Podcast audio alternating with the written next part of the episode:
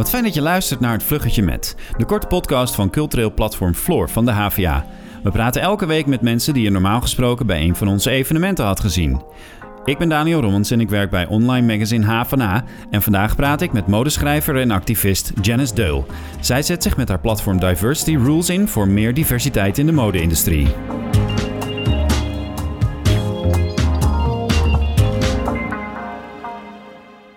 Janice, hoe is het met je?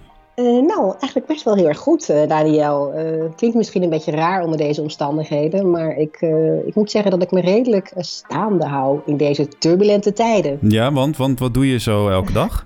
Ehm, nou, ik ben natuurlijk fashionjournalist en fashion-activist met name. Ja. En mijn, mijn arbeidssamenstaan is sowieso redelijk solitair. Dus ik zit doorgaans al vrij veel in mijn home office achter de Mac. Mm en dat doe ik eigenlijk nog steeds. Het enige wat ik natuurlijk wel heel erg mis zijn de, de, de, de afspraken die ik buiten de deur had. De werkafspraken, de lunchdates en de events die ik natuurlijk heel graag gaf en ook bijwoonde. En wat, wat mis je helemaal niet op dit moment? Um, nou, het verbaast me eigenlijk. Ik ben nogal van. Um, ik hou heel erg van mooie dingen en van rondneuzen in, in de stad, zeg maar. En to be honest, mis ik het shoppen bijvoorbeeld helemaal niet. En, uh, ik ben nu echt al zeven weken niet uh, de, de winkels in geweest. En ja. ik, ik, mis, er, mis het totaal niet. Dat verbaast me wel een klein beetje. Maar, maar shop je dan nog wel online? Uh, eigenlijk ook niet. Mijn, mijn hoofd staat totaal niet naar nieuwe kleding of nieuwe, nieuwe spullen in, in die zin. Ik kijk er beroepsmatig natuurlijk wel naar, naar de, de nieuwe fashion ja. en wat er gebeurt op modegebied. Maar ik, ik heb eigenlijk nog helemaal nul geshopt. Nee. Jij bent eerder bij Floor geweest als moderator van een reeks gesprekken over diversiteit en inclusie in de mode en, en op, op Mode-instituut uh, Amfi. Um, maar we moeten het even hebben over iets heel anders. Want ik zie jou overal in beeld en ik hoorde jou ook op de radio uh, over mondkapjes. En dan, en dan uh, ja. zag ik jou niet met zo'n klinische wit-blauwe zoals je bij de tandarts ziet, maar eentje met vrolijke kleuren en zo. Waar, waarom is dat? Nou ja, in eerste plaats natuurlijk omdat ik echt denk dat zo'n, het dragen van zo'n mondkapje kan helpen om uh, dat afschuwelijke virus te, te, stoppen, zeg maar. Het is voor, voor mijn veiligheid en ook nog meer voor die van anderen. Mm-hmm. Dat is natuurlijk de allereerste reden dat ik zo'n mondkapje draag. Ja. En als je hem dan toch draagt, althans in mijn geval, dan, wil ik, dan vind ik het leuk om een beetje te, te ja, persoonlijk te maken. Hè? Gewoon eentje die past bij mijn persoonlijke stijl en bij mijn look. En ik denk ook dat het heel erg goed is als je um, ervoor zorgt dat zo'n mondkapje onderdeel wordt van je, nou ja, van, van je dagelijkse ja, look, stijl, fashion, ja, zeg maar. En waarom is dat goed? Nou ja, omdat je dan het dragen van zo'n mondkapje normaliseert. Nu vinden heel veel mensen het eng of, of uh, gewoon lelijk of weird. En als je ja. gewoon zorgt dat het een beetje een staal-item wordt, dan gaan veel meer mensen hem dragen. En ik denk dat op den duur ook mensen op een hele andere manier gaan kijken naar uh, mensen die uh, om een andere reden hun gezicht bedekken. Weet okay. je? Dus ik denk dat het echt een heel goed effect eh, kan hebben.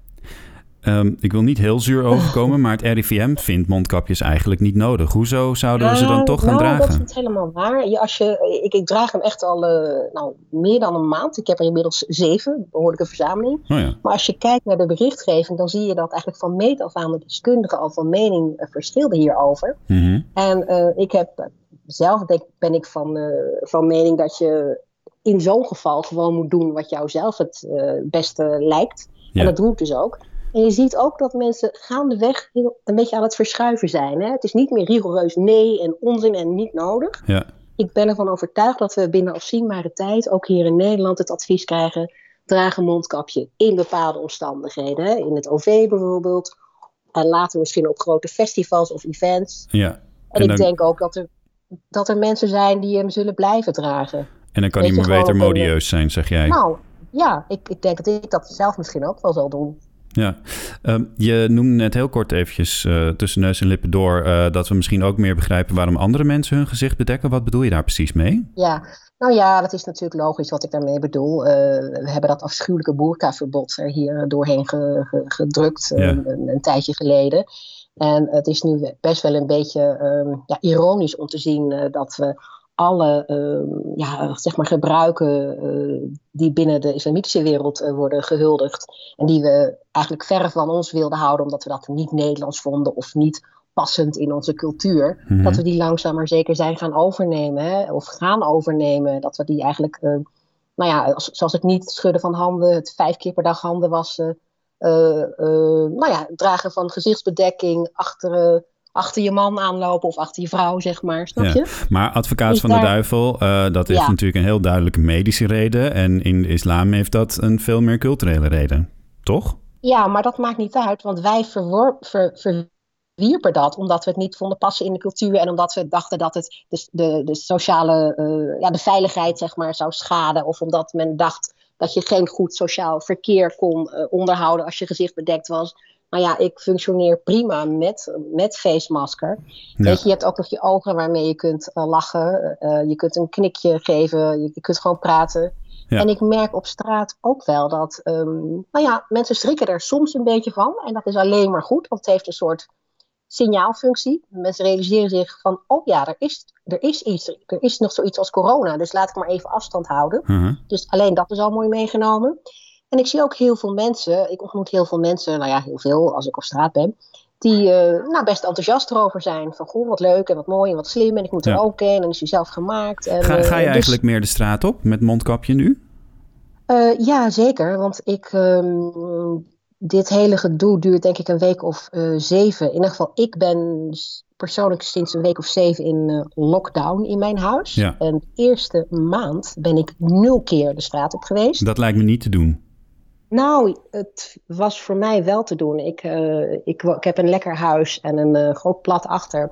Hm. En ik moet wel zeggen dat ik een, uh, een fantastische man heb natuurlijk, die de boodschappen dan doet. Oh, Die trekt ik niet hoor, om de, hele, om de hele dag binnen te zitten. Die moet om de dag echt wel even naar buiten. Maar, um, maar met mondkap ga ik nu één keer per week naar buiten. dus er is, er is vooruitgang, ja, zeg maar. Meer vrijheid. um, Als deze podcast uitkomt, is het bevrijdingsdag. Dat is in, de, in deze tijden van iedereen uh, thuis uh, opgesloten een beetje een gekke dag misschien. Dat gaan we ook dan thuis vieren. Ik, ik, zelf heb niet zo heel veel met bevrijdingsdag, als ik heel eerlijk ben. Vier jij normaal gesproken onze vrijheid? Mm, eigenlijk niet zozeer. Vroeger wel, compleet met de vlag en zo. Mhm. En nu denk ik, ach, het is eigenlijk een beetje een, ja, mag ik het zo noemen, een, een wassen neus. Uh, ja, dan moet ik altijd denken aan die kreten als dit nooit meer en zo. Je weet wel waar dat dan op slaat. En dan kijk je om je heen wat er gebeurt in de wereld. En dan denk je van ja, weet je, we, we leren niks ervan. En natuurlijk is vrijheid iets om uh, te vieren. Maar speciaal op zo'n dag, um, nee, ik, dat heb ik niet. Wat ik wel heel erg fantastisch vind, is dat dit jaar mijn oude universiteit, de Universiteit Leiden, een speciaal event uh, organiseert om uh, Anton de Kom te herdenken. De Surinaamse, uh, ja, Surinaamse icoon, zeg maar, dat in mhm. de Tweede Wereldoorlog ook is overleden als verzetstrijder. En ik vind het ook goed dat er ook steeds meer aandacht is voor ja, andere gebieden, overzeese gebieden of, of Turkse of Marokkaanse soldaten die ja. ja hun bijdrage hebben geleverd. Ja, dus eigenlijk de vrijheid van iedereen en niet alleen van ons dapper Nederlands volk, zullen we maar zeggen. Eh, klopt, we zouden eigenlijk de vrijheid van een ieder moeten vieren. En natuurlijk, ik sta wel stil bij al die verschrikkingen hè, in de Tweede Wereldoorlog, maar niet alleen die, zeg maar. Wat is het eerste dat je gaat doen als je echt weer helemaal vrij de straat op mag? Um, ik denk um, een broodje doen ergens met mijn moeder en mijn broers dat denk ik. Gewoon lekker lunchen, ergens in een, naar een leuke plek rijden, naar het strand of zo en daar lekker uh, een broodje doen. en het tweede is met mijn husband uh, kunst kijken. Want dat mis ik, dat mis ik wel. Oh, kijk, ja, ja. ja. Maar dat, kan ook online, hè? Ja, maar dat is, vind ik toch anders. Dat is echt, en dat snap je wel, dat is heel anders. Maar ja, voor zolang het nodig is, doe ik dat uh, wel. Maar ja, face-to-face met iets prachtigs is toch de beste belevingen ever. Ik ben benieuwd uh, of het Fotografiemuseum in Amsterdam een uh, mondkapjes tentoonstelling gaat houden binnenkort. Lijkt me erg leuk. Janice, dank voor het korte gesprek. Graag gedaan. En jij bedankt voor het luisteren. Vind je dit een leuke podcast? Geef ons dan een goede beoordeling in je podcast-app.